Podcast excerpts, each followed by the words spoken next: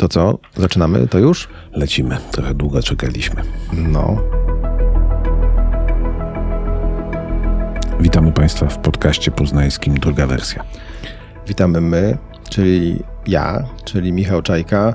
W ubiegłym wieku, no to już było w ubiegłym wieku, tak, w, w ubiegłym wieku dziennikarza, w tym wieku PR-owiec.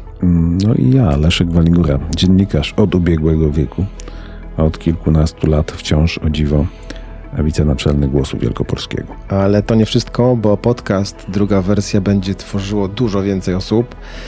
Będziemy zapraszać osoby z różnych środowisk, z innym niż nasze spojrzenie na rzeczywistość, z innym doświadczeniem życiowym, z innym doświadczeniem dziennikarskim. Ale również bez niego. E, po co więcej, będziemy zapraszali także tutaj Was, naszych słuchaczy. Także jeżeli macie pomysły na rozmowy z ciekawymi ludźmi, zapraszamy do kontaktu z nami. Skąd ten podcast? No tak, skąd ten podcast? Pomysł na podcast do Poznaniu urodził się no ładnych kilka miesięcy temu. Wspólnie ustaliliśmy wtedy, że świetnie się nam rozmawia i że lubimy rozmawiać o, o Poznaniu, lubimy rozmawiać o naszym mieście i chętnie posłuchalibyśmy tego, co do powiedzenia mają także inni, którzy mieszkają w Poznaniu obok nas. Mm, ale uzgodniliśmy, że brakuje nam tak naprawdę spokojnej, ciekawej rozmowy, takiej prowadzonej bez konfrontacji, bez sporów, bez przekrzykiwania się, bez przypierania rozmówcy do muru. Czyli bez tego wszystkiego, co często w mediach e, przesłania to, o czym tak naprawdę się rozmawia. Chcemy posłuchać, co mają do powiedzenia poznaniacy, chcemy zrozumieć różne punkty widzenia, chcemy zrozumieć e, motywacje i chcemy, żebyście wy wszyscy też tego posłuchali. Kogo będziemy zapraszali? Będziemy zapraszali społeczników, ludzi kultury, nauki, przedsiębiorców, specjalistów związanych ze zdrowiem. No i pewnie polityków będziemy musieli zaprosić. I mam nadzieję, że nie tylko ich. Zaprosimy wszystkich, którzy żyją w Poznaniu, którzy przejmują się tym, co się dzieje w Poznaniu, wszystkich tych, którzy życzą naszemu miastu jak najlepiej. A teraz bardzo ważne pytanie. Kto za nami stoi? To nie wiem, czy to jest ważne pytanie. Oj, dzisiaj ktoś zawsze musi za kimś stać. Czyli za nami też ktoś stoi. No właśnie, będą nas o to podejrzewać. Tak, e, to proszę Państwa, czasami za mną stoi Michał Czajka. No, a zawsze za mną stoi Leszek Waligura. Innymi słowy, nikt za nami nie stoi. Mimo, że gdzieś pracujemy, ja jako dziennikarz, ale robimy to absolutnie niezależnie. Od polityków, dyrektorów nie stoi za nami żadna spółka miejska, skarbu państwa. E, żadna po prostu. Żadna, żadna. I nie spółka też nie stoi. Bill Gates też nie stoi za nami, niestety. O, no, bo, no. Mimo, że prosiliśmy go. Prosiliśmy. E, będziemy się starali, żeby tak to zostało. Będziemy chcieli, żeby to był podcast, w którym możemy poruszyć każdy temat. A jeżeli Wam się spodoba, jeżeli będziecie chcieli nas słuchać, jeżeli będziecie chcieli z nami dyskutować i podsuwać swoje pomysły, to w przyszłości najpewniej pojawią się sponsorzy, bo będą musieli się pojawić. Będziemy także Was prosili o wsparcie podcastu z bardzo prostego powodu. Wyprodukowanie ponad godzinnego programu co tydzień to jednak duży wysiłek e, organizacyjny, sporo czasu, szczególnie, że no i ty, i, i ja, i wszyscy, z którymi ten podcast będziemy robić na co dzień, mamy swoje inne zobowiązania zawodowe.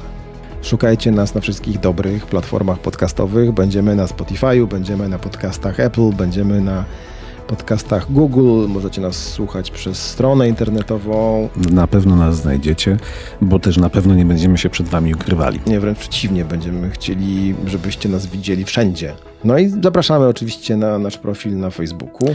Bo tam też będzie można z nami podyskutować, podrzucić nam pomysły również. Skrytykować, pochwalić. No dobra, no to co, koniec gadania? Właśnie nie. Co, nie, to początek, początek gadania. Początek gadania. Zaczynamy? Zapraszamy do słuchania nie tylko naszego gadania. Zostańcie z nami. Zostańcie z nami. Druga wersja, podcast poznański zaprasza.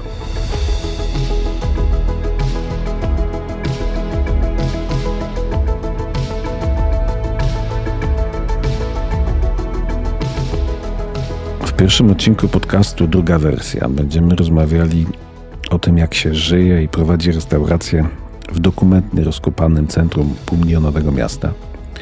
O tym, co się stało z organizacją, która jeszcze kilka lat temu była w stanie wyprowadzić na ulicę miasta nie tylko Poznania dziesiątki tysięcy ludzi, ale zaczynamy od rozmowy o reklamach, które w poznańskiej przestrzeni publicznej są tak gęste, że nie widać przez nie miasta. Rozmawiamy o tym z Tomaszem Hejną, czyli gemelą poznańską, czyli człowiekiem, organizacją, który sam w pojedynkę z tymi nielegalnymi reklamami walczy.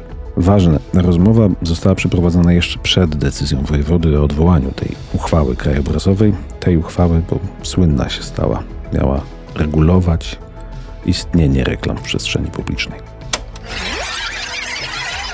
Pytanie na dzień dobry. E, ile panu miasto płaci? Miasto, Miasto Poznań. jako urząd miasta wydamy nic. E, A to zadziwiające, bo zdaje się, że dzięki panu to to miasto sporo pieniędzy zaoszczędziło, a jeśli nie zaoszczędziło, to może nawet zarobiło. E, Być może, ale ile straciło?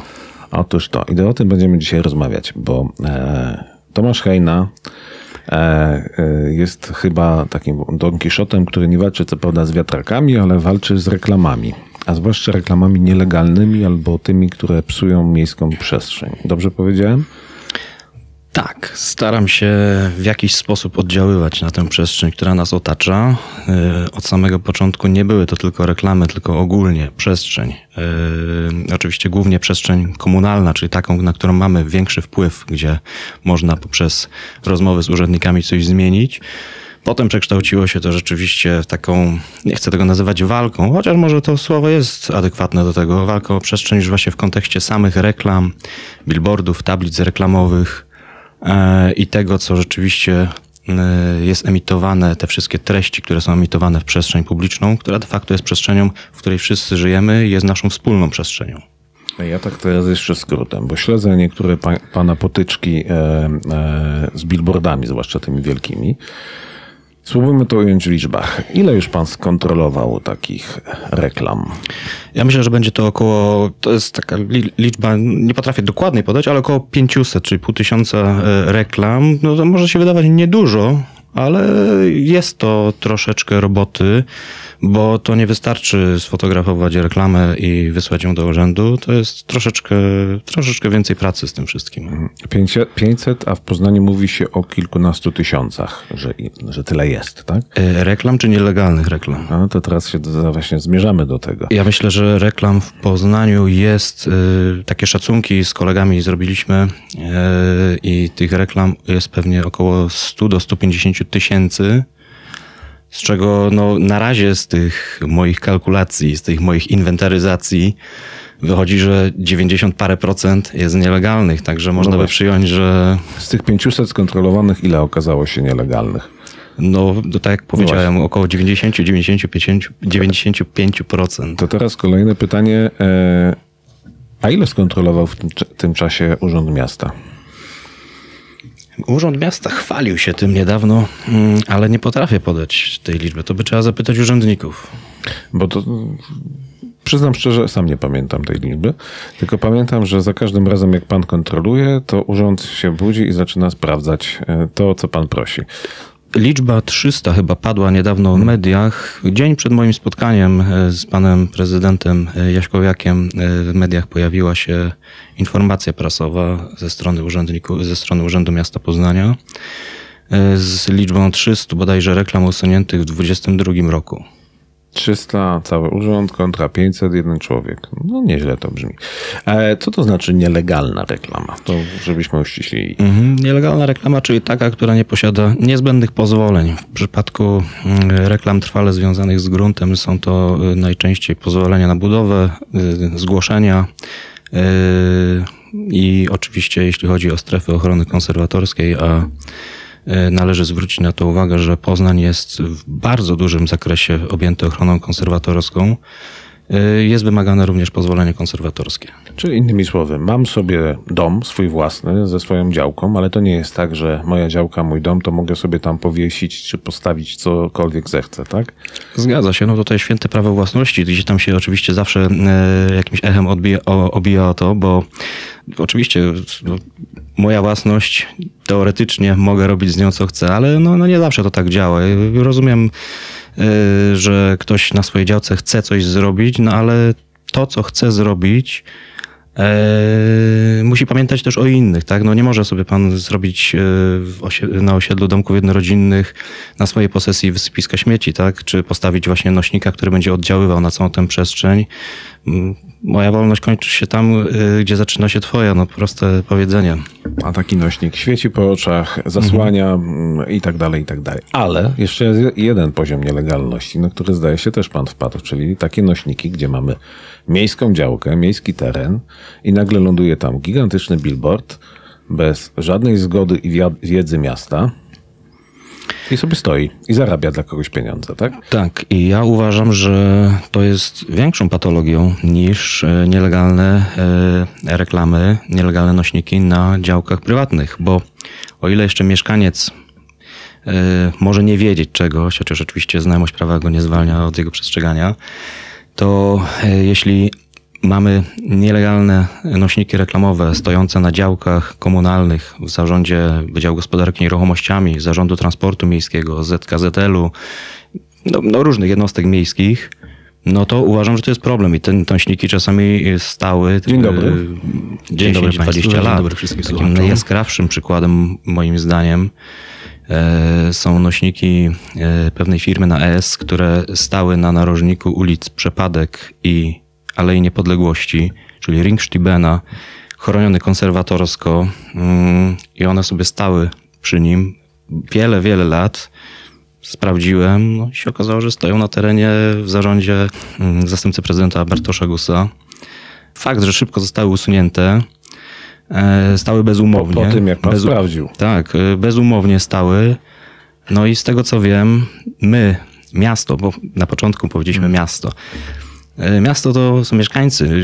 Ja bardziej postrzegam nawet już słowo miasto nie tyle jako urząd miasta, tylko jako mieszkańców. I my jako miasto, czyli mieszkańcy, z tytułu tych dwóch reklam stojących tam przez, te, przez tę dekadę przynajmniej, no nie otrzymaliśmy ani grosza, a moglibyśmy mieć za to, nie wiem, kilka drzew na przykład, jakiś chodnik wybudowany, jakiś skwer, jakiś zieleniec, coś, co by służyło mieszkańcom. A to jest tylko jeden przykład. A Bo takie przy... reklamy, nie mówię, że te, ale takie reklamy potrafią kosztować 10 tysięcy miesięcznie, tak? Lokalizacja robi swoje. Tak. No to sobie próbuję wyobrazić sytuację, że mam sobie działkę, moją własną, prywatną. Ktoś przychodzi, bez mojej wiedzy stawia na niej billboard, za który kasuje firmy, które chcą się na tym billboardzie ogłaszać po 10 tysięcy miesięcznie, a ja nic z tego nie mam. I tak działa Poznań. No, oficjalnie pan nic z tego nie ma. Eee, pan tutaj, panie redaktorze, tu podstawowym problemem jest to, że tak naprawdę leży mm, bieżąca kontrola zasobu nieruchomości. Takie wyjście pracownika w teren, takiej w ogóle komórki, która by się na przykład zajmowała typowo reklamami w Poznaniu i koordynowałaby te działania tych miejskich jednostek, wyszukiwałaby takich, te, takie nośniki e, i przekazywała te tematy właśnie do tych jednostek do dalszego procedowania i obciążania ewentualnymi kosztami tych, którzy je tam postawili bez wiedzy zarządcy terenu. To, no, no tego, tego właśnie brakuje. Mm, no nie wiem, dla mnie to jest dziwne, że firma z którą de facto dwie firmy takie są w Poznaniu, które najczęściej robią te brzydkie rzeczy. E, I one stają się nagle partnerem miasta też e, przy innej okazji. Nie są rozliczone za to. Mm, następuje pewnego rodzaju amnestia, abolicja e, ich działań dotychczasowych. Oddzielone jest to grubą krechą, jak kiedyś za czasów premiera Mazowieckiego, ile dobrze pamiętam tutaj naprawdę dużo się takich e, pytań pojawia. Dlaczego tak się dzieje? Nie wiem, czy jesteśmy w stanie to wyjaśnić, albo możemy postawić e, znak zapytania w umysłach słuchaczy. Jesteśmy w stanie? Myślę, że jesteśmy w stanie, ale ja też nie mogę sobie pozwolić, żeby pewne rzeczy powiedzieć. Jakieś oczywiście domysły mam, ale nie chcę ich snuć za bardzo, bo chcę się opierać jednak na tym, na do czego mam dostęp. Tak mhm. jest. Nie będę pana na procesowe e, nieprzyjemności narażał. Natomiast e, pytanie pozostaje, e, pozostaje takie. Próbował pan kiedyś oszacować, ile miasto, czyli my wszyscy, na tym straciło? Próbowaliśmy szacować to z kolegą poznaniatorem. Mhm. Ale to są szacunki, które nie wiem, czy, czy są obiektywne, tak? Mm. Ale mogą być to dziesiątki milionów, a nawet setki milionów. No, olbrzymie pieniądze, no to, ale to mm. uważam, że należałoby dobrze i obiektywnie to obliczyć. Mm, I uważam, że miasto powinno to obliczyć też w pewnym sensie, jakie, jakie, jakie, jakie straty nastąpiły e, z tego tytułu. Ja cały czas uważam, że pomimo tego, że zwracam cały czas uwagę na to wszystko, to nadal tego, tej bieżącej kontroli nie ma e, w takim zakresie, jakim ja na przykład jako mieszkaniec yy, znający temat bym sobie życzył. Powołanie człowieka na etat, który by czymś takim się zajął, to byłby chyba pierwszy etat w Poznaniu, który by był samofinansowalny. Yy, tak. Yy, myślę, że Urząd Miasta i decydenci powinni wziąć to pod uwagę, że sprawne działanie w tym temacie przyniosłoby korzyści finansowe. I ja tu myślę najbardziej o, o działkach akurat komunalnych właśnie, no bo mm, od właściciela działki prywatnej, no tych pieniędzy nie uzyskamy, tak? Bo nie ma za co. Yy, ale ten zasób komunalny właśnie z nielegalnymi reklamami, no powinien być sprawdzony, zweryfikowany, zinwentaryzowany, wyceniony i najlepiej przekazany do jakiejś super kancelarii prawnej, która by w sądzie dojechała tych yy, gigantów. No, ale to jest dużo firm. To nie jest tylko te dwie firmy, o których Oczywiście. Mówi, ale, ale są mniejsze firmy, które działają w podobny sposób. To wszystko podobno próbuje usystematyzować jakoś uchwała krajobrazowa, o, którym się, o której się tak dużo mówiło, która za chwilę wchodzi w życie, czy właściwie już weszła. Czy Pana zdaniem uchwała krajobrazowa załatwi temat? Yy, uchwała krajobrazowa na pewno jest potrzebna. Jestem jedną z pierwszych osób, które na nią długo wyczekiwała.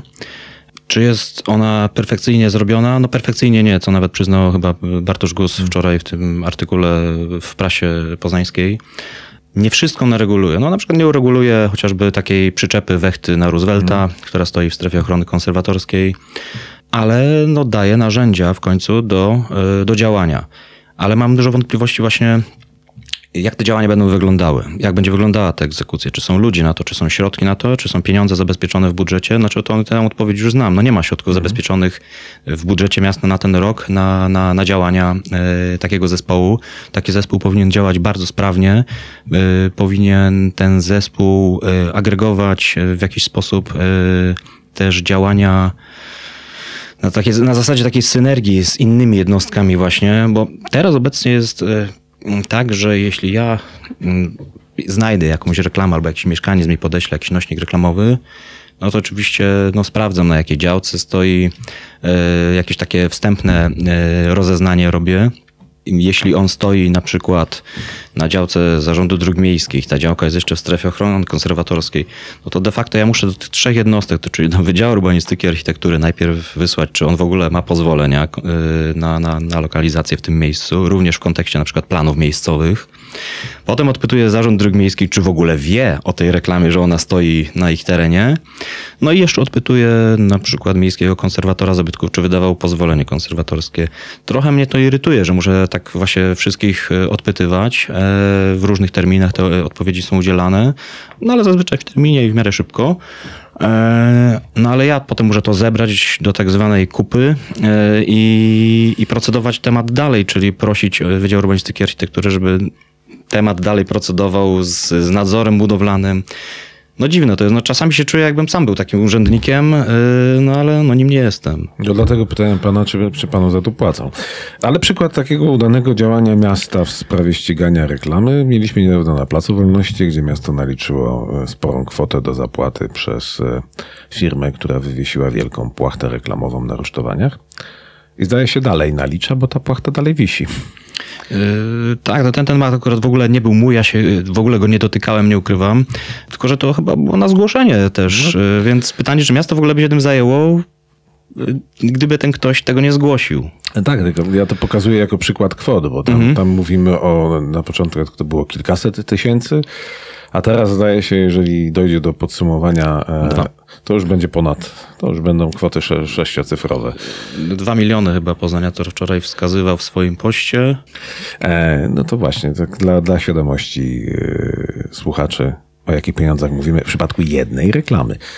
Dobrze, e, w takim razie uchwała krajobrazowa, mieliśmy się nie wdawać w szczegóły, ona może się dla wielu osób wydawać nudna, natomiast e, miała uporządkować przestrzeń w Poznaniu.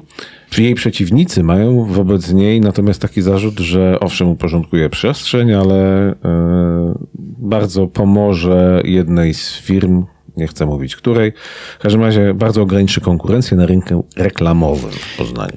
Ja nie wiem, czy te osoby są hmm. przeciwnikami hmm. uchwały krajobrazowej. Są to osoby, które, znaczy zakładam o, o kim pan redaktor mówi, ale myślę, że nie są to osoby, które były przeciwko samej idei e, uchwały krajobrazowej, tylko były przeciwko temu, że nie była ona precyzyjna. Oni też stawiali tutaj zarzuty, że jest procedowana akurat w czasie, kiedy oczekujemy, kiedy jest, jest, jest temat y, reklam w Najwyższej Izbie Kontroli. Mhm. E, ja nie ukrywam i to też prezydentowi Jaśkowiakowi na spotkaniu powiedziałem, że ja też byłem osobą, która przed sesją e, Rady Miasta, na której był procedowany temat uchwały krajobrazowej, wysłałem maila do wszystkich radnych, żebyście się zastanowili nad tym, czy nie lepiej poczekać jeszcze kilka miesięcy, skoro tyle lat e, ten temat się ciągnie i dopracować ją tak na, na perfekcyjnie. No, pojawia, pojawiają się tam jakieś e, jakieś, jakieś obiekcje co do niektórych zapisów, ja jestem praktykiem. Ja akurat lubię działać, jest jakieś narzędzie do tego działania i póki coś rzeczywiście się ja tam w te szczegóły, uchwały nie zagłębiam tak mocno, jak się zagłębiał Poznaniator e, i cieszę się, że ona jest i że będę mógł już działać też troszeczkę w inny sposób teraz tak naprawdę, bo ten, ten, ten materiał, przecież, który mam z tymi nielegalnymi reklamami, ten cały zbiór, ta, ta inwentaryzacja, no to tak naprawdę ja go teraz powinienem przesłać do, jak już uchwała będzie po tych 14 dniach, powinienem go wysłać do Wydziału Urbanistyki i Architektury, e, do zespołu egzekucyjnego i powiedzieć, słuchajcie, no macie już sprawdzone, zinwentaryzowane, są nielegalne, no wnoszę o to, żeby zniknęły jak najszybciej, a jak nie, no to żeby obciążyć te podmioty, na których te nośniki są zlokalizowane, karami wynikającymi już y, z uchwały krajobrazowej, a są to dotkliwe kary. Czego panu i sobie życzymy, tylko jak nie ma zespołu egzekucyjnego, to... Zespół egzekucyjny jest właśnie, y, z tego co widzę w stopkach maili, które dostaję od urzędników y, z Wydziału Urbanistyki i Architektury. Mm, nawet mógłbym sprawdzić teraz, jak ten zespół się nazywa, ale zespół do spraw uchwały hmm. krajobrazowej i egzekucji, chyba tak się nazywa. Z tego co wiem, jest tam 10 osób, które działają. Tylko właśnie zastanawiam się, w jaki sposób te osoby będą działały, bo 10 osób to, to też nie wiem, czy to jest jakaś e, mega duża Ale więcej liczba. niż jedna. Więcej niż jedna, tak. Mm, ale czy te 10 osób nagle wyruszy w teren i będą chodzić ulicami i robić spacery po, e, po Poznaniu i e, inwentaryzować reklamy? Nie wiem jeszcze tego, nie ukrywam, że na przyszły tydzień jest umówiony z dyrektorem e, Wichnowskim w sprawie, w sprawie reklam, bo ogólnikowo powiem, w sprawie reklam, żeby porozmawiać na ten temat właśnie, jak moglibyśmy tę współpracę teraz przy uchwale krajobrazowej zacieśnić. To ja, tak po, ja podpowiadam takie narzędzie, nawet bez chodzenia po Poznaniu, Google Street View, można sobie pojeździć ulicami, a nawet sprawdzić, jak historycznie dana ulica się zmieniała. Widać tam billboard. Tak, ale jednak y, zawsze y, przy procedowaniu tematu y, wymagany jest bieżący widok, bieżące zdjęcie, bieżąca sytuacja. Można bez tego korzystać. Oczywiście z Google Mapsa mamy tam 10 mhm. lat do tyłu. Korzystam z niego, jeśli chcę sprawdzić, jeśli wiem, że jakiś nośnik stoi, jestem na miejscu widzę, że jakiś nośnik stoi i sobie sprawdzam na Google Maps na przykład ile lat on tam stoi, bo 10 lat do tyłu można sobie sprawdzić. E, na SIP-ie można sprawdzić 20 mm. lat do tyłu mniej więcej, e, czy ten nośnik tam, tam, tam stoi. Mm, no jest Google Maps narzędziem, ale ale nie, nie sprawdził, nie, nie sprawdziłoby się. E, po, podpowiadam tak hobbystycznie trochę. Właśnie, mówi pan parę razy o spotkaniu z prezydentem Jaśkowiakiem, o którym się pan i prezydent Jaśkowiak jednocześnie właściwie pochwaliliście parę dni temu co było dosyć zaskakujące. E, bo do tej pory e, mam wrażenie, że Tomasz Hejna i Gemena Poznańska przez władze miasta Poznania przez długi czas nie były traktowane poważnie. Czy teraz można powiedzieć, że nastąpiła jakaś zmiana, będzie współpraca, coś z tego wyniknie? Czy nie można o tym mówić jeszcze? Co się e, stało, że się spotkaliście przede wszystkim? Spotkaliśmy się na korytarzu chwilę po sesji, na której została uchwalona mm, uchwała krajobrazowa chwilę porozmawialiśmy na tym korytarzu, ale zaproponowałem wtedy panu prezydentowi, że zamiast rozmawiać na korytarzu, może lepiej porozmawiajmy spokoju e, i pan prezydent zgodził się na to i zaprosił mnie na, na, na kolejny tydzień. To było właśnie przedwczoraj. Mm, Spotkaliśmy się, rozmawialiśmy mm, o temacie reklam w Poznaniu, o jakości przestrzeni. Na tę chwilę oczywiście za bardzo też nie chcę zdradzać jeszcze wszystkiego, bo pewne rzeczy nie zostały do końca dopowiedziane i muszę też to powyjaśniać, ale no, no spotkaliśmy się i rozmawialiśmy o przestrzeni miasta. I na razie na, tym kropkę zobaczymy, co z tego wyniknie. To tak, obiecałem panu, że rozmowa nie będzie zbyt długa i że do niej jeszcze wrócimy. Już koniec? E, a jest taki temat, który warto poruszyć? Nie wiem, bo ja, tak, ja zawsze spontanicznie wszystko, jak pan widzi, że czasem jak się rozkręcę, to zaczynam mówić i mówić i mówić. Dla mnie, dla mnie bardzo ważne jest to, żeby rzeczywiście ta uchwała była narzędziem, którego będą się bać. O. To powiedzmy jeszcze tak, będą się bać, ale nie jest pana celem wyrzucenie reklam z Poznania. Trudne Czy pytanie. Pozna, bo Poznań mój widzę zielony, e, elegancki, ale bez reklam? Ja myślę, że jesteśmy już w takich czasach żyjemy, że naprawdę reklama taka na takich prymitywnych tablicach, bo to jest już taki prymitywizm moim zdaniem troszeczkę. No mamy 23 rok XXI wieku, e, internet. Nie wiem, ja uważam, że jednak z przestrzeni publicznej e, reklama powinna zniknąć. Okej, a jeżeli nie, znik, nie zniknie, to e, niech przynajmniej ten e, Poznania ktoś z tego ma, tak? Niech Poznanie coś z tego ma i niech chociaż ta reklama będzie nienachalna, nieagresywna, w miarę estetyczna. No, z grubsza chyba wszystko. To ja mam taki pomysł. Tutaj stawiamy kropkę i za jakiś niezbyt odległy czas spotykamy się kolejny raz, żeby pod, spróbować podsumować albo ocenić, e, jak to działa. Bardzo chętnie. Dziękuję bardzo za rozmowę. Dziękuję również panie redaktorze. Drugim gościem jest Borys Fromberg, właściciel restauracji działającej na Starym Mieście i mieszkaniec tego starego miasta. Rozmawia Michał Czajka. Witam panie Borysie. Dzień dobry. Naszym gościem jest Borys Fromberg, przedsiębiorca i właściciel restauracji Bo, który w biznesie gastronomicznym pracuje już w centrum ponad 10 lat, tak? 10 lat. No, 10, Ponad jest równo. przegięciem. Po, ponad jest przegięciem. Długo jesteś w centrum, Ja mieszkam w centrum w ogóle. mieszkasz w centrum, czyli całe życie spędzasz w centrum. Całe życie nie, bo w ogóle nie jestem z Poznania. To zacznijmy od tego. Całe życie w ostatnich latach. Całe życie w ostatnich latach, tak. 24 godziny. Tak. W internecie widziałem ostatnio taką listę zamkniętych biznesów e, w centrum. W większości są to restauracje, bary, mm, y, kawiarnie. Jak to się stało, że Bo nie ma na tej liście? Tak jak z wieloma innymi knajpami, które jeszcze, czy lokalami, które jeszcze istnieją.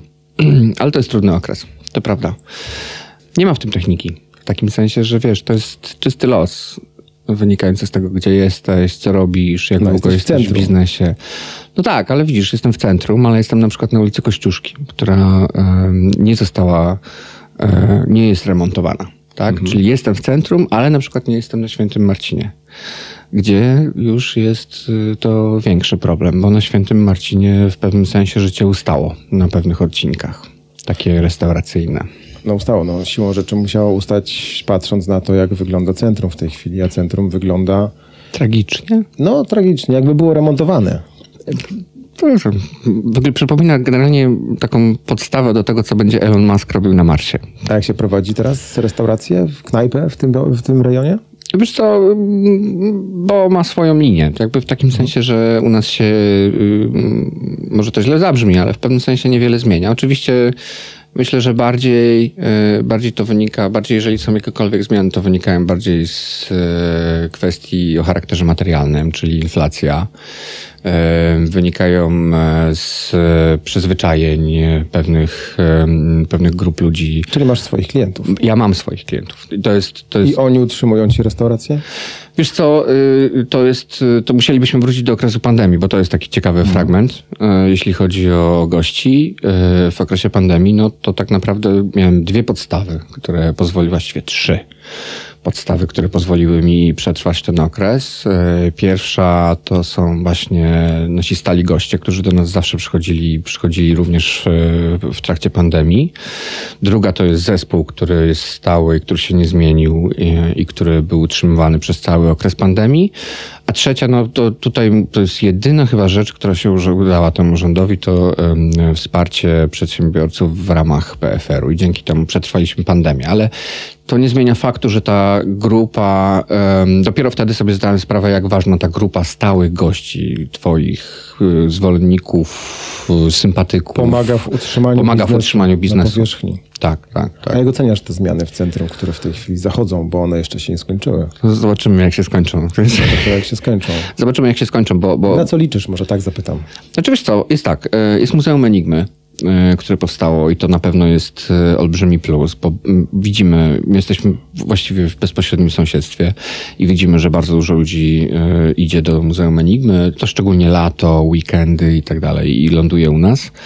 Co jeszcze? No, na pewno, znaczy, ja mam nadzieję, że ten święty Marcin po, po remoncie nie będzie przechodził takiego, takiej szokowej terapii, jak przechodziła półwiejska. Tak, jak półwiejska została wyremontowana, pamiętam, że to był to z bólami, ale jednak wyremontowana, to później przez bardzo długi okres, 2, 3, 4 lata, jak nie więcej, to był taki okres dostosowawczy. Nie wiadomo, czego było się spodziewać po tej półwiejskiej, nie wiadomo, co tam powstanie. No dopiero teraz się w jakiś sposób kształtuje. No i stała się deptakiem ze I stała się deptakiem tak ze sklepami, z e, restauracjami, z e, kebabami i tak dalej, tak, z ciekawymi rzeczami. No, kategoria prezentów e, na szybko kupionych mm. na wycieczce, to myślę, że młodzież nam. I pączków. I pączków, dużo pączków. A, natomiast jeśli, jeśli chodzi o święty Marcin, na pewno nie wróci już do tej funkcji, którą miał kiedyś jak się chodziło po buty. Czyli handlowej. handlowej. Handlowego świętego Marcina chyba wszyscy ba powiemy, że już nie I będzie. Bankowej, bankowa już chyba też nie wróci, e, chociaż tam banki cały czas istnieją, ale myślę, że banki finalnie będą się, będą się zwijać e, prędzej czy później.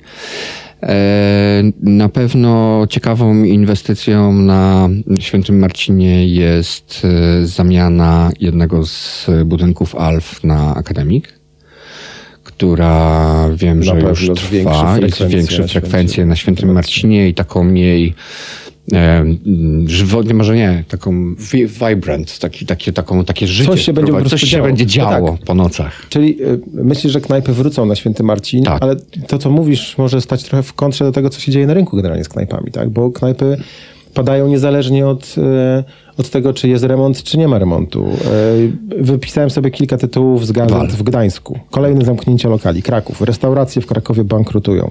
Wrocław. Coraz więcej restauracji znika z, ma z mapy.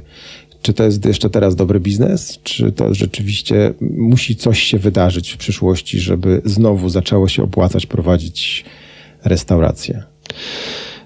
Ja myślę, że w ogóle jest tak, że e, biznes restauracyjny to jest taki biznes, e, że do momentu, kiedy nie pójdziesz w sieciówkę, to to jest trochę taka orka. Nie? Trochę takie mielenie, mielenie kasy. Musisz zarobić, żeby zapłacić e, pensję, czynsz i tak dalej, i tak dalej i żyć z tego, spoko, nie? Natomiast e, taki już dobry biznes to jest wtedy, kiedy masz jeden, drugi, trzeci, czwarty, piąty, szósty lokal. Właściwie masz menedżerów, którzy w tym lokalach... E, którzy... Dobrze, ty masz jeden, tak, lokal. Ja mam jeden. To jeszcze w centrum. I w centrum. I, I nie chcę mieć więcej. Okej, okay, nie chcesz mieć więcej. Mm, nie, nie, nie chcę mieć więcej, bo ja się boję sieciówki. W takim no, sensie, te wszystkie koszty, które są w tej chwili. Tutaj mhm. na Łazarzu jedna z, e, właściwie jeden z restauracji powiedział mi, że koszty mm, prądu, czy gazu, gazu wzrosły z 3 do 15 tysięcy, co spowodowało, że właściwie nie ma takiej możliwości, żeby utrzymać no To jest lokal. trudna sytuacja. To jest trudna sytuacja. No znaczy, ja nie mam tego typu problemów, a może tak. Mhm. Jednym, z, jednym z elementów tego, że jestem, jest to, że nie mam tego typu problemów. Oczywiście, że te koszty wzrosły, ale nie tak drastycznie. E, ponieważ podpisałem jakoś tak cudem w ogóle wcześniej e, umowy, które mi gwarantowały określone ceny do tam 2024-2025 roku. To jest jedna rzecz I, i jakby z tym się nie borykam, ale to jest straszne, jeżeli na przykład dostajesz... Tak. No przez przypadek, jak zwykle w moim przypadku.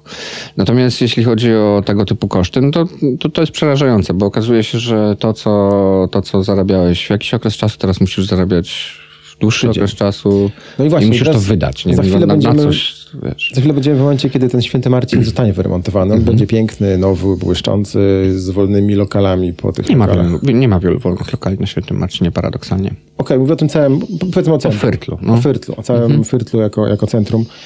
Będą jeszcze odważni, którzy będą zakładać restaurację w takiej sytuacji, jaka jest w tej chwili? Tak, Będą, są. są. Cały czas, nawet teraz, nie po. E, Nie, że zakładają, że po otworzą, tylko teraz otwierają. No, na Świętym Marcinie powstała nowa winiarnia. Nie mówię o, o... Tak, i winiarnie sobie świetnie radzą. I winiarnie sobie dobrze radzą. Nie trzeba ich tak ogrzewać może. Może podaję grzane wino. E, wiesz co, są odważni ludzie. E, pamiętaj, że knajpa to nie tylko miejsce. E, knajpa to, tak jak powiedziałem wcześniej, ludzie. Knajpa to przede wszystkim twoi współpracownicy w pracy, czyli twoi pracownicy de facto, ale ja mówię na nich współpracownicy, bo to, to jest dla mnie ważniejsze. I twoi współpracownicy, którzy są twoimi ambasadorami, to co podajesz, tak? Więc jeżeli podajesz dobre rzeczy, to możesz e, mieć knajpę pod Poznaniem, tak? Albo możesz mieć knajpę gdzieś w jakimś małym załuku i tak będzie okej. Czytałem ostatnio statystyki, które mówią, że w ostatnich e, miesiącach 66% konsumentów ogranicza swoje wydatki. Tak. I z tych 66 na pierwszym miejscu aż 60% y, tych ludzi mówi, że ogranicza wydatki na restauracje, bary i kawiarnie. Tak. Co oznacza, że ludzie przestają chodzić do restauracji. Mniej chodzi. Jest widoczny jest spadek e, w, w ilości gości. To tam, to na pewno. I to się utrzyma. Wiesz, Nie wiadomo jak długo. Glapiński powiedział, że inf- inflacja spada. Może to się zmieni. No może są takie miejsca w tym kraju, gdzie, Gdzie spada. Gdzie spada. U niego na pewno masło taniej kupuje Poznaniu, się- Muszę się z nim dogadać. Nie za bardzo spada. Czy ten biznes wróci do centrum, myślisz, tak? Na w bank. sytuacji, kiedy skończy się e, to, co się dzieje w, e, w centrum. Wiesz co, no tak, jak się skończy, skończą się remonty, to wróci. Jak są, knaj- są lokale, które mają napisane mm, e, wrócimy dopiero po zakończeniu remontu. Jest jeden taki lokal na Świętym Marcinie. I to rozumiem. To jest ograniczenie kosztów minimum. Płacimy czynsz, nie płacimy ludziom, nie płacimy za towar i tak dalej. Czekamy na, prze, przeczekujemy moment i wbijamy z powrotem, nie? Są tacy, którzy nie mają takich zasobów, żeby chociażby płacić czynsz, no bo to też są jakieś, to też jest jakieś obciążenie. Natomiast, natomiast myślę, że jak się skończy remont i pojawi się nowa perspektywa, może spadnie inflacja, to Przestanie tak szybko rosnąć, bo no teraz spada. Poczekaj, chwila. A, okej. Świeże wiadomości są, że spada. Nawet podali oficjalnie, ale to tak, no jakby przestanie rosnąć. To, mm, e, to, to, to, to, to, to ruszą ludzie do tego, żeby, żeby z powrotem to robić. W kwestii gastro w Polsce dużo się zmieniło i, i to już jest y, bardzo dojrzały ale rynek. co się zmieniło? I Podejście zmieniło? do, podejście do obsługi gości, że to już nie jest tylko i wyłącznie to, Ale że... Wyście się zmienili, to nie my, nie my klienci. Nie, znaczy to, to dzięki wam, To klientom. dzięki nam. O, dzięki. O, no, proszę. No, no, no, no. I co myśmy, dzięki- Do czego myśmy was zmusili? E, znaczy, mnie nie, nie trzeba było zmuszać do tego, ale mm, zmieniło się to, że mm, coraz mniej powstaje, powstaje lokali o charakterze przypadkowym. Na zasadzie, a, to zainwestujmy tutaj w gastro, będziemy podawać, nie wiem, co oni podają tam obok? Pizzę. No to my Fajnie też będziemy. Tak, Tak. faj, my te, fajna ta pizza obok robi kupę bęgi, no to my też będziemy robić kupę bęgi. Y, to się coraz, coraz bardziej ym, taki rynek, taki, taki, taki, taka, jakby to powiedzieć, branża coraz bardziej odpowiedzialna. Tak? E, już nie powstaje, tak, i profesjonalna. Jest bardzo dużo młodych ludzi, którzy są wykształceni e, albo mają praktykę w innych, po, po, po, po, innych lokalach, e, kucharzy. E, mamy naprawdę bardzo duże zasoby, jeśli chodzi o ludzi, którzy potrafią świetnie obsługiwać, którzy są po szkoleniach, którzy m, e, obecnie albo poprzedni pracodawcy takie szkolenie załatwili. Dobrze, ale ci ludzie właśnie w tej chwili odchodzą z lokali, tak? Te lokale się zamykają, oni odchodzą Wrócą. gdzieś tam i oni wrócą, myślisz? Ja myślę, że tak, że, że bardzo często jest tak, że menadżer jakiegoś lokalu, który gdzieś odchodzi ze względu na to, że musiał zmienić pracę, no, ze względu na to, że jakiś tam lokal zamknęli, to prędzej czy później wróci do tego, bo to jest uzależniający biznes. Powiem ci szczerze. Jednak. O Jezu. Ale to jest najpiękniejsze na świecie, jak jesteś właścicielem restauracji, możesz rozmawiać z gośćmi, obsługiwać i wiesz, tworzyć atmosferę, e, podawać im jedzenie i fajne jest to, że to jest natychmiastowa satysfakcja. To znaczy, jeżeli Od dobrze razu gotujesz, mówią, tak, super to było, albo od razu mówią sorry. A właśnie, czy, bo to mnie zastanawia też. Często mnie pytają w, e, w restauracjach o to, czy mi smakowało. I co odpowiadasz? No i właśnie łapię się na tym, że czasami mi zgłupie powiedzieć temu człowiekowi, że to jednak nie było fajne. Dlaczego? Robisz mu krzywdę. Robię mu krzywdę. Tak. To nie jest tak, że ja go oszczędzam. Nie. krzywdę. Znaczy, Nic mu nie zrobisz tym, że e, nic mu nie zrobisz tym, że powiesz, że coś było niesmaczne. Okej. Tak? Czyli tak trzeba robić. Trzeba tak robić, oczywiście, że tak. Nic nie zrobisz tym, co. y, co a, a poza tym to jest kwestia edukacji też, nie? Jak powiesz, że to jest niesmaczne, to ta osoba, która cię obsługuje, musi wiedzieć, co odpowiedzieć na to y, tobie, tak? Musi wiedzieć, co zrobić dalej z tą informacją. Dzięki temu stajemy się lepsi. E, I dzięki temu Dobre osoby, które obsługują, tak, te osoby, które obsługują, uczą się. Jeżeli mają właściciela, który im powie, słuchaj, twój gość jest najważniejszy. Jak mu nie smakowało, to chociażby zostawił jedną frytkę, tak? To po prostu, to po prostu zrób to tak, żeby był zadowolony wychodząc, że to, co powiedział, zostało wysłuchane, że może zaproponujesz mu inne danie, albo na przykład, przepraszam pana bardzo, albo ciasto, albo skasujesz całe danie z rachunku. No, są przeróżne, e, przeróżne, przeróżne opcje. I od tego zależy to, czy faktycznie ten gość wróci, czy nie. Bo są goście, którzy mówią, słuchaj, przesolone było. No to pra- proste do naprawienia. Pro, akurat. znaczy, Przesolenie. z jednej strony tak, nie? Z jednej strony prosto do naprawienia, bo możesz zrobić na nowo, ale możesz też powiedzieć, y, są takie sytuacje, że ktoś mówi przesolone. Nie, nie jest przesolone. Jest okej. No właśnie. No, no i wtedy już tracisz klienta. Jak przyjdziesz, o przepraszam pana bardzo, widocznie któryś z kucharzy się zakochał. Nie wiem który, ale sprawdza.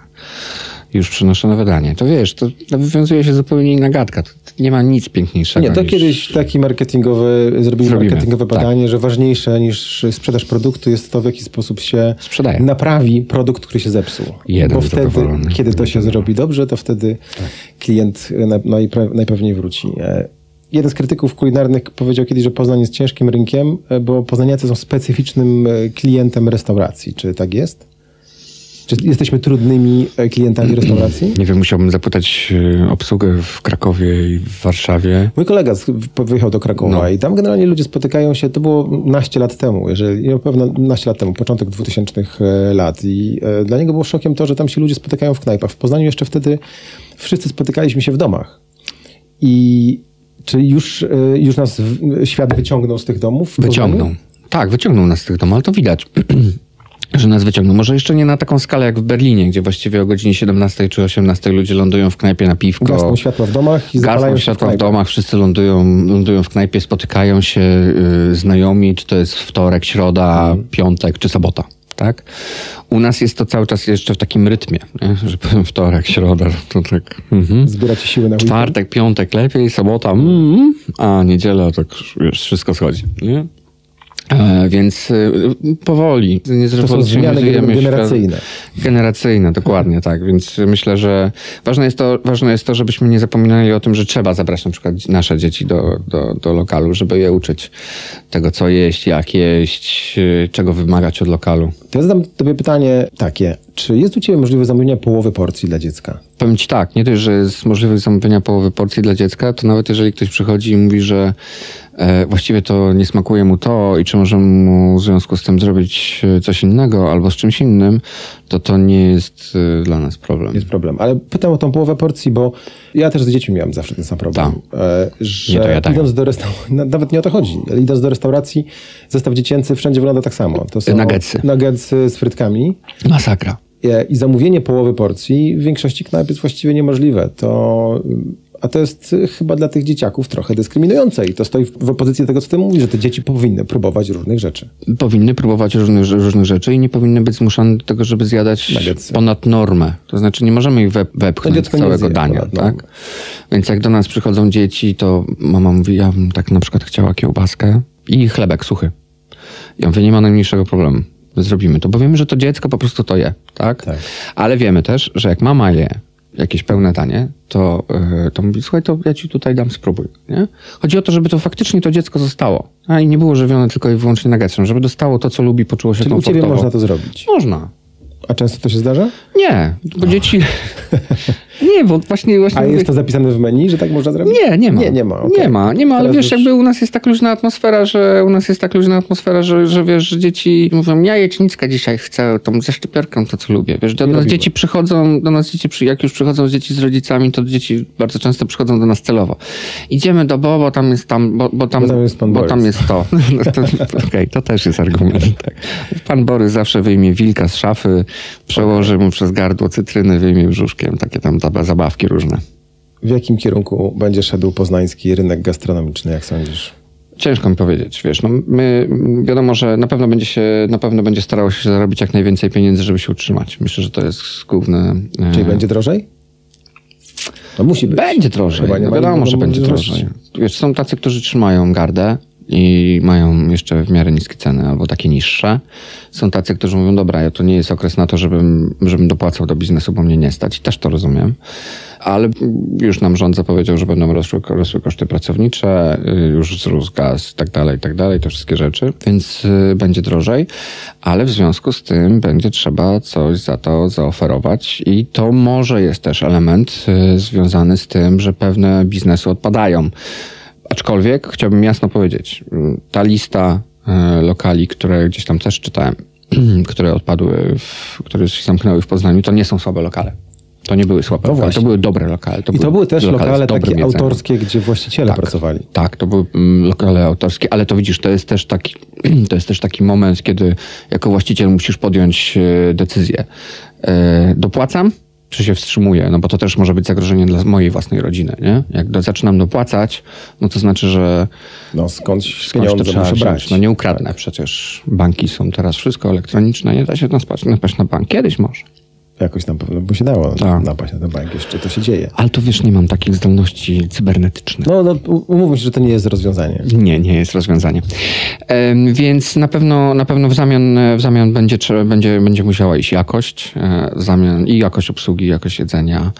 I na pewno, wiesz, czasem kryzysy działają dobrze. W sensie, oczywiście, że jest tragedia. Czasem jest e, to, że ktoś musi zamknąć, zrezygnować z biznesu, zacząć robić coś innego, ale jest też druga strona kryzysu, która mówi, ok, ale w tym wszystkim nastąpi pewnego rodzaju odsiew, e, nastąpi, nastąpi jakby wzrost konkurencji, przepraszam, wzrost konkurencji, wzrost e, umiejętności. Ludzie zaczną na przykład poświęcać ten czas, kiedy nie ma gości na to, żeby się doszkolić, tak? No bo to my też tak robimy. Jak była pandemia, to my jeździliśmy na szkolenia. Czyli i- liczymy na trochę na ten efekt, który był po pandemii, że ludzie e, byli wygłodniali bycia ze sobą i byli wygłodniali Tak. restauracji I wyjdą. i wyjdą. I a wyjdą. co za tym, a za ludźmi pójdą nowe lokale. A za ludźmi pójdą nowe lokale i za ludźmi, słuchaj, lokali w centrum miasta w ogóle jest dużo. Na Świętym Marcinie może są dwa, trzy. E, tak, w tej pierwszej części przynajmniej, bo tam w pobliżu mieszkam. Natomiast jest bardzo dużo lokali, bardzo dużo fajnych lokali. I myślę, że myślę, że jak tylko unormuje się trochę sy- sytuacja gospodarcza, polityczna i remontowa w Poznaniu, a polityczne na świecie, to myślę, że to, to, to znowu ruszy. Ja, to, czego mi na przykład brakuje, abstrahując już teraz od, e, od knajp, to czego, to, czego mi brakuje, to em, takiej atrakcyjnej formy miasta, w której idąc e, ulicami masz ochotę wejść do różnych sklepów. Wiesz, jakby restauracja jest takim dodatkiem. Ja bym chciał, żeby tam były fajne sklepy z designem, chciał, żeby były fajne, tak, trochę nawet nie pod mieszkańców, bo wiadomo, mieszkaniec pojedzie zrobić zakupy do centrum handlowego, e, pojedzie, ma swoje ulubione sklepy, a z punktu widzenia turystycznego fajnie, gdyby było, fajnie by było, gdyby te przestrzenie były e, atrakcyjne dla nich, no bo No, ale musimy poczekać na zakończenie remontów jednak. No tak, tak. Wchodzenie do Empiku tylko i wyłącznie, no, turysta nie wejdzie ci do Empiku. Nie? Musi, musi, być jakiś, musi być jakiś magnes.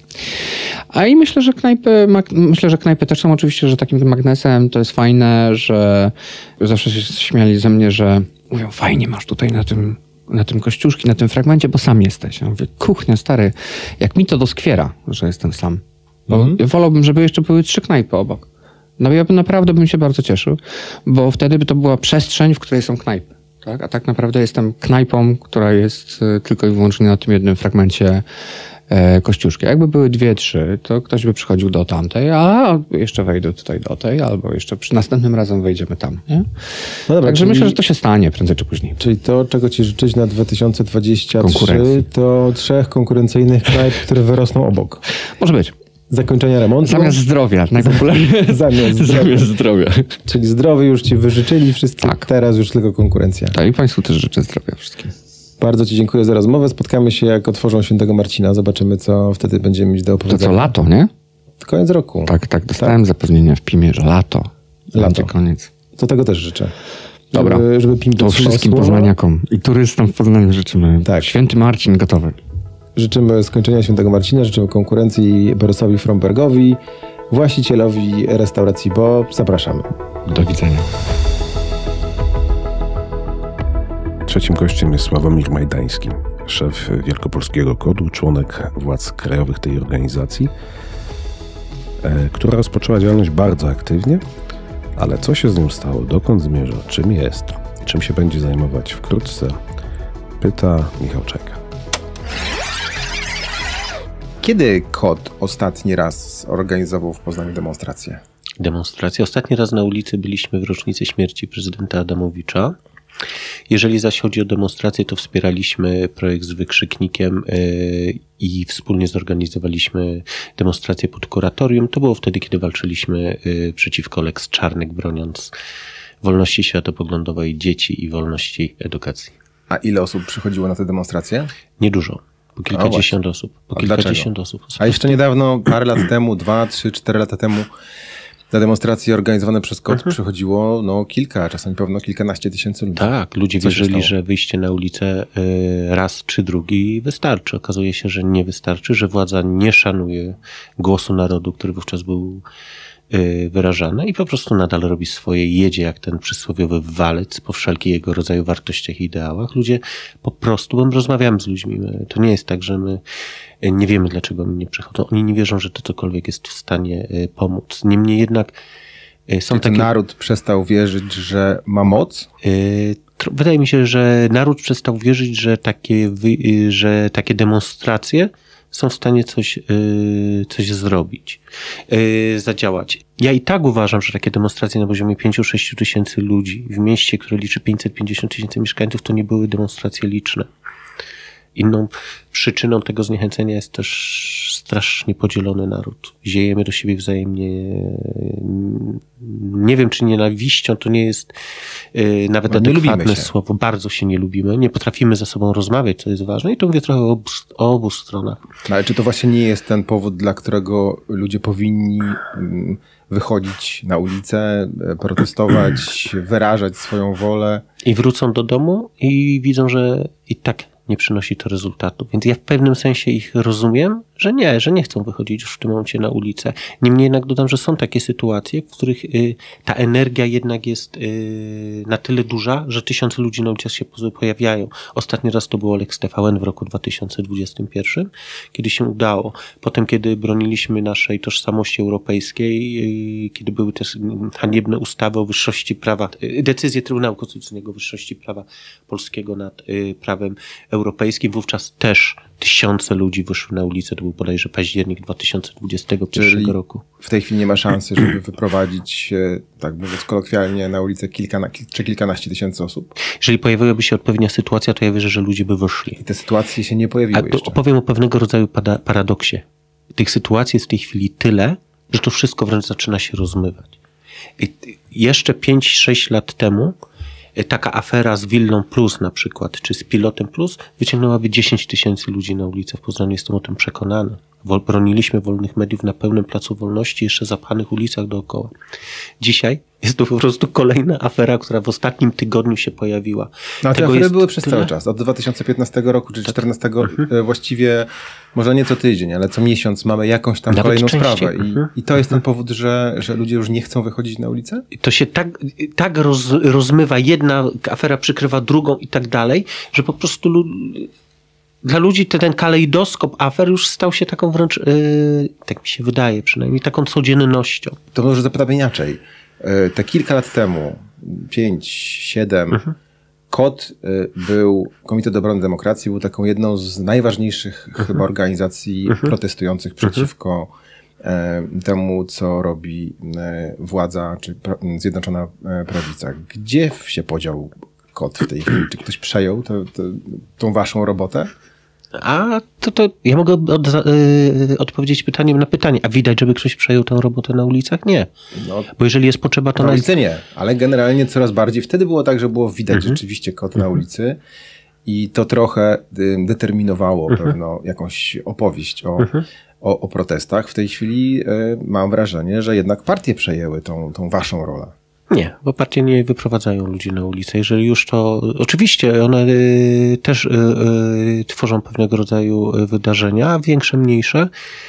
Zmieniła się jednak, zmienił się sposób działania takich stowarzyszeń jak, jak, jak nasze. My działamy troszeczkę bardziej, troszeczkę, znacząco bardziej u podstaw. Y, działamy jako pewnego rodzaju centrum y, jednoczące i partie polityczne, i ruchy prodemokratyczne, po, e, pozapartyjne pewnego rodzaju dialogu. Myślę, że nie muszę tutaj długo przedstawiać projektu Porozumienie dla Praworządności, który w 2022 roku w styczniu został do zaprezentowany i Ale czy gdzieś nie było błędu? Gdzieś, gdzieś nie straciliście tego, co, co kod niósł ze sobą, tej, tej energii, tej, tej wiary, e, tej, tego poczucia wspólnoty, które mieli ludzie podczas demonstracji, tak? w, w tym, że, że wychodzili na ulicę. Były błędy, oczywiście. My byliśmy młodym ruchem. Powstaliśmy spontanicznie, piekielnie spontanicznie w roku 2015. W 2016-2017 pojawiły się pewne problemy w naszym stowarzyszeniu, o których było głośno. I ja wiem, że ta rozmowa powoli do tego momentu też pewnie e, celowo zmierzała i to mocno osłabiło naszą reputację. E, Niemniej jednak, kiedy ja osobiście mogę powiedzieć, ja z perspektywy mojej i po wymianie opinii z perspektywy wielu szefów regionów Komitetu Obrony Demokracji, jeżeli jest jakaś idea do obrony, na przykład Lex TVN, tożsamość europejska, jak kod ma wyprowadzić tysiące ludzi na ulicę, to wyprowadza w każdym mieście w Polsce. Jak ma wyprowadzić w 200 miastach na ulicę, to wyprowadzi. I jeszcze jedną rzecz dodam. Kod musiał nabyć pewnego rodzaju umiejętność czytania nastrojów społecznych i tej temperatury, bo wyprowadzenie czasem ludzi dla jakiejś idei e, na ulicę i zrobienie manifestacji dla 200, 300 osób być może jest ważne, ale w pewnych, w pewnych, yy, w pewnym sensie może to być przeciwskuteczne, bo pokazuje, że nie ma odpowiedniego, odpowiedniej temperatury w narodzie, temperatury Dlaczego? sprzeciwu.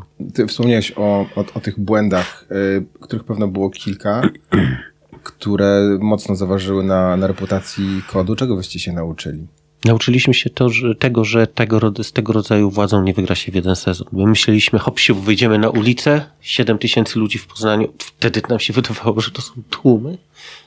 Krzyczeliśmy wiosna, zima wasza, wiosna nasza. No, Sam krzyczałem. No i co? No, która to zima, która wiosna No mija, trzeba tak. czekać do wyborów. Trzeba okazało. walczyć, trzeba czekać do wyborów, trzeba walczyć, ponieważ jednak walczymy z taką władzą. Nie wydarzyła się sytuacja jak w Rumunii w roku bodajże 2016 czy 2017, kiedy tysiące ludzi wyszły na ulicę, władza, władza ustąpiła. Tutaj się nie dzieje. Bezczelność, hamstwo, jakieś takie geny mafijne tej, tej partii są takie, tej władzy są takie, że dla nich y, po prostu głos społeczeństwa nie ma żadnego znaczenia. Czyli ta metoda, którą wyście przyjęli, którą chcieliście zmienić rzeczywistość w postaci masowych protestów, nie zadziałała. Nie zadziałała. I nie zadziała. Wszystko Co musiałoby się stać, zależy. żeby zadziałała? A może należało, m- nie należało, źle, źle chciałem tu ubrać słowa. Może gdyby władza dotrzymała kilku obietnic typu, cenzu, y, typu cenzura internetu? Może gdy ludziom podwyżki i haniebna polityka finansowa Polski yy, doprowadzi ludzi do tego, że nie będą mieli za co chleba kupić, dzieciom tego chleba posmarować? Czym? Być może nie chciałbym, żeby do tego doszło, ale uważam, że to są takie punkty krytyczne, które mogłyby doprowadzić jednak do milionów, dosłownie do milionów ludzi na, na ulicach. Polacy pokazali, że o kromkę chleba i godność taką ostateczną są w stanie walczyć do śmierci. Nie masowe demonstracje w tej chwili. To co? Czym kod się zajmuje w 2023 roku? Wrócę do porozumienia dla praworządności. Staliśmy się podmiotem w dialogu no, stricte politycznym, bo mimo, że jesteśmy ruchem obywatelskim, zawsze to będę y, podkreślał, to rozmawiamy na tematy polityczne, ponieważ w tej chwili polityką jest wszystko. I obecnie partia doprowadziła... Zawsze tak było. Zawsze? No okej, powiedzmy, że zawsze. Może nie, nie zauważyliście tego, że jednak jesteście elementem polityki wtedy, kiedy były te duże demonstracje? Wciągnięto, na pewno nas wciągnięto w tę politykę. Ja wychodząc na ulicę, czułem się jako obywatel. Nie czułem się jako Nie polityk. Nie, nie, chci- nie chciałem, nie chcę być politykiem. Ja jestem, jestem aktywistą, jestem obywatelem, jak ja z moimi przyjaciółmi, koderami. Nie, nawet nie tylko przyjaciółmi. My też jesteśmy bardzo różnymi ludźmi. I też się różnimy, często bardzo, bardzo, bardzo dosadnie. Yy, Kiedy ja wychodzę z, z koderami na ulicę, ja wiem, że wychodzę z obywatelami, którzy nie mają ambicji politycznych, którzy mają jedyną ich ambicją jest to, żeby żyli w normalnym kraju i żeby ich dzieci mogły żyć w normalnym, wolnym, swobodnym, tolerancyjnym kraju. No, ale porozumienie jest w jakimś sposób e, politycznym bytem. No musi być porozumienie politycznym bytem, Czyli ponieważ... idziecie w kierunku polityki. Nie, my rozmawiamy z polityką, my się cały czas o nią ocieramy i nie ma opcji, żeby walcząc z władzą, nie rozmawiać z politykami, ponieważ tak samo jak sama opozycja sejmowa, sami politycy nie wygrają z, z, z taką władzą, jaką mamy w, tej, w tym momencie w kraju, tak samo sama ulica nie wygra. Potrzebna jest synergia, potrzebna, potrzebna jest współpraca i rozmowa. To nie musi od razu oznaczać, że KOD staje się partią polityczną, czy też ruchem dy, politycznym.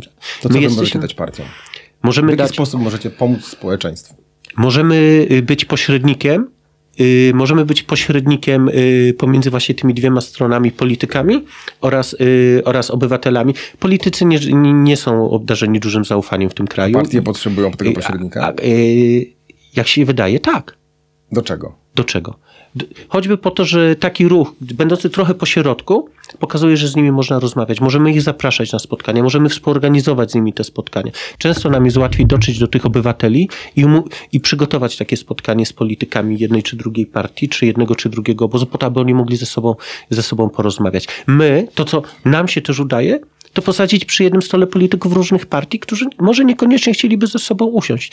Porozumienie dla praworządności, projekt OKW Obywatelskiej Kontroli Wyborów. Wszyscy razem bez dyskusji siadają do stołu, który my organizujemy. No właśnie, posadziliście tych ludzi, posadziliście partię razem przy stole w czerwcu zeszłego roku. E, em, Przekonaliście do tego, żeby podpisać, podpisać wspólną deklarację o e, pracy przy wyborach, o e, kontroli wyborów i, i co? I teraz to się wszystko rozchodzi. Te partie gdzieś tam każda idzie Nie. swoją drogą. Ale moment, y, porozumienie dotyczyło współpracy przy Obywatelskiej Kontroli Wyborów. I to, współ, i to porozumienie pozostaje w mocy. Oprócz, y, y, tak, op, y, to podkreślę tak, żeby nie zawieszać tego pytania i rozwinę. Oprócz y, centralnej ogólnopolskiej konferencji y, z udziałem liderów y, politycznych odbyły się analogiczne konferencje w regionach. Ja w Poznaniu osobiście na Placu Wolności zorganizowałem z liderami lokalnymi i to samo się wydarzyło w innych miejscowościach. To porozumienie jest cały czas wiążące.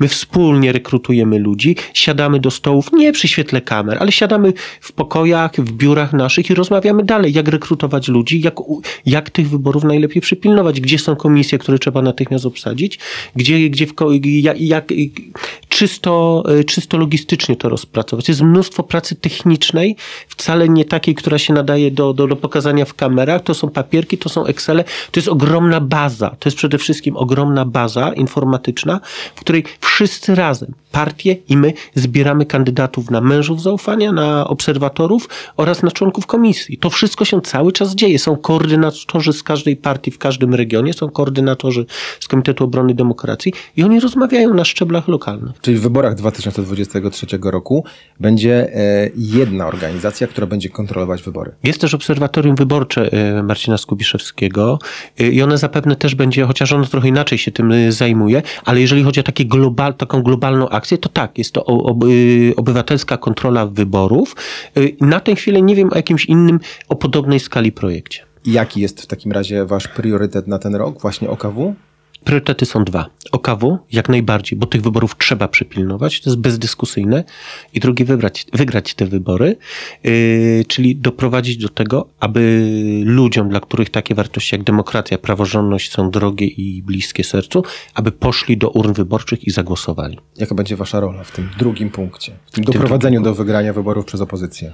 Rozmawiamy z ludźmi, yy, rozmawiamy z politykami, jesteśmy cały czas pośrednikiem w tym dialogu. Mówimy o rzeczach, które są ważne, mówimy o rzeczach, które stanowią ogromny problem. Nasza aktywność w internecie, nasza aktywność na mniejszych spotkaniach z ludźmi, czy pikodach tak zwanych, czyli punktach informacyjnych, czy jakichś spotkaniach z sędziami i debatami, tym wszystkim chcemy ludziom uświadamiać, yy, że to jest ważne. Myślę, że to jest ważne, żeby do tych wyborów w tym roku pójść. Ten rok będzie decydujący dla losów naszego kraju. Oprócz tego mamy jeszcze, dzisiaj nie powiem dużo o tym, projekty, yy, które mają być też projektami profrekwencyjnymi, czyli mają zachęcać ludzi do pójścia do wyborów i zakładamy, że jeżeli to wypali, to również uda nam się frekwencję po tej stronie demokratycznej przede wszystkim. Yy, I przede to wszystkim jest wasza rola podczas tych wyborów. Tak, to jest jedno, to, to, jest, to, jest, to jest inaczej. No, rolą Komitetu Obrony Demokra- Demokracji jest edukacja obywatelska i to się na to składa. Największym prawem i przywilejem i wręcz obowiązkiem demokraty jest branie udziału w wyborach. A czy w takim razie e, KOT będzie wystawiał swoich kandydatów na listach jakiegokolwiek komitetu na posłów czy senatorów? Nie, KOT nie będzie wystawiał kandydatów na listy. Nie jako stowarzyszenie. Nie mogę odpowiadać za indywidualne ambicje polityczne poszczególnych członków, ale nie będą to ludzie, re- nie będą to ludzie tak jakby z kodu, który jest częścią jakiejś koalicji na liście. Udało wam się zebrać mm, przedstawicieli, szefów największych partii do tego, żeby e, podpisać porozumienie, ale oni się wszyscy rozchodzą w tej chwili. Jak, jak ty to oceniasz? Udało nam się zebrać w temacie obywatelskiej kontroli wyborów i, współpracy w tym obszarze. E, My w żaden sposób jako Komitet Obrony Demokracji, przynajmniej na tę chwilę, nie ma takiej decyzji, Nie naciskamy na stworzenie jednej partii. Są takie głosy, ale w samym, choćby w samym Komitecie Obrony Demokracji, w którym, w którym jednak główną wartością jest pewien pluralizm myśli, i pluralizm wypowiedzi, głosy są podzielone. Część osób mówi, że jak najbardziej powinna to być jednolista, ale duża część osób, sam biorę udział w tych dyskusjach, będąc, prowadząc forum regionów, czyli osób najbardziej aktywnych z różnych regionów, yy, sam biorę udział w dyskusjach, w których te zdania są bardzo mocno podzielone. Nie ma jednozna, nie ma jednoznacznego stanowiska Komitetu Obrony Demokracji. Osobiście nie sądzę, żeby ono powstało.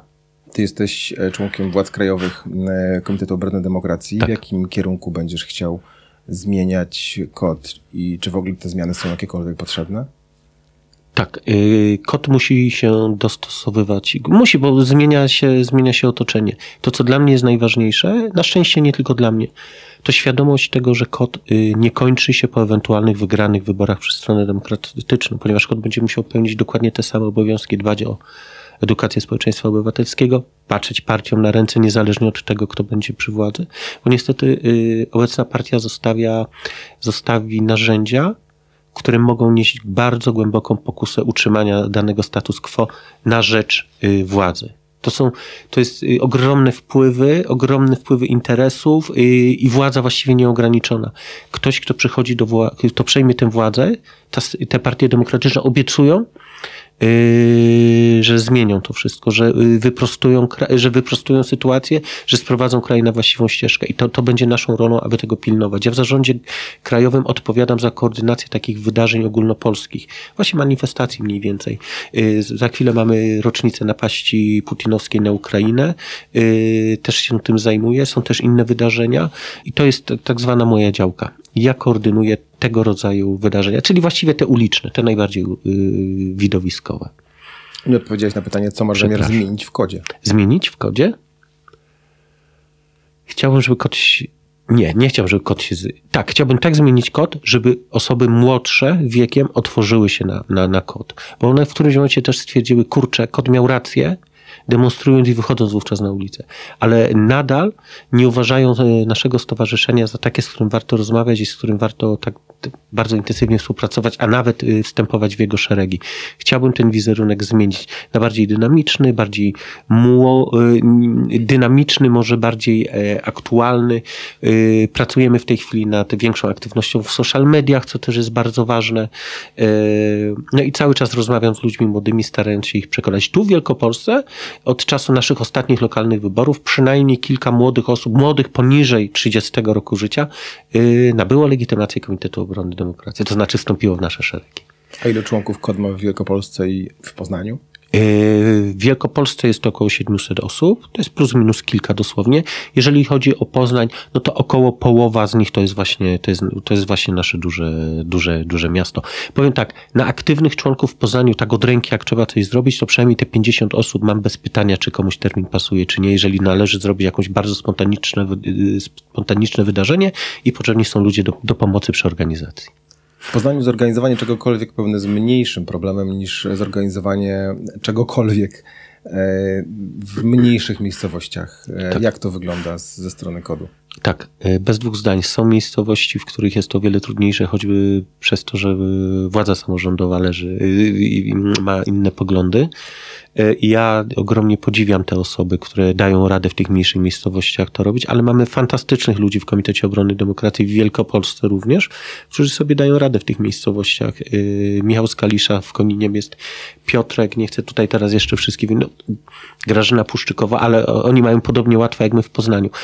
Ja się cieszę e, z tego, że jeżeli jest potrzeba zrobienia manifestacji w jak największej ilości miast z, z, z jakiegoś powodu, to w Wielkopolsce mówimy o, od 8 do 12 miejscowości. To jest duży sukces. Czy Wielkopolska jest silnym e, regionem, jeżeli chodzi o kod? Tak. Tak, absolutnie, yy, ponieważ yy, również w ramach stowarzyszenia rozmawiamy o różnych rzeczach, wymieniamy się doświadczeniami i tak, jesteśmy szanowani za to, że udaje nam się robić rzeczy duże, udaje nam się robić rzeczy spontaniczne. Wychodzą też z naszego regionu dość, dość ciekawe pomysły, które potem są kopiowane w innych regionach. Jakie na przykład? Na przykład yy, słynny ukraiński szal na naszym wieszczu Adamie Mickiewiczu to zostało skopiowane w kilku innych miejscowościach. To był dość szalony, spontaniczny pomysł. Y, taki trochę może pozakodowy pomysł, ale też wyszedł z Poznania. Y, czytamy konstytucję.pl. Y, co, co, co właściwie udało się członkom z Wielkopolski za, za, zarazić mnóstwo osób z całej Polski. To był taki bardzo ogólnopolski projekt. Słynne billboardy milion, milion euro dziennie z, z, z, z nawiązujące do osoby Zbigniewa Ziobry. To tak mówiąc o ostatnich wydarzeniach. Dziękuję bardzo za rozmowę. E, moim gościem był Sławomir Majdański, szef kodu w Wielkopolsce i członek władz Krajowych Komitetu Obrony Demokracji. Bardzo dziękuję za rozmowę.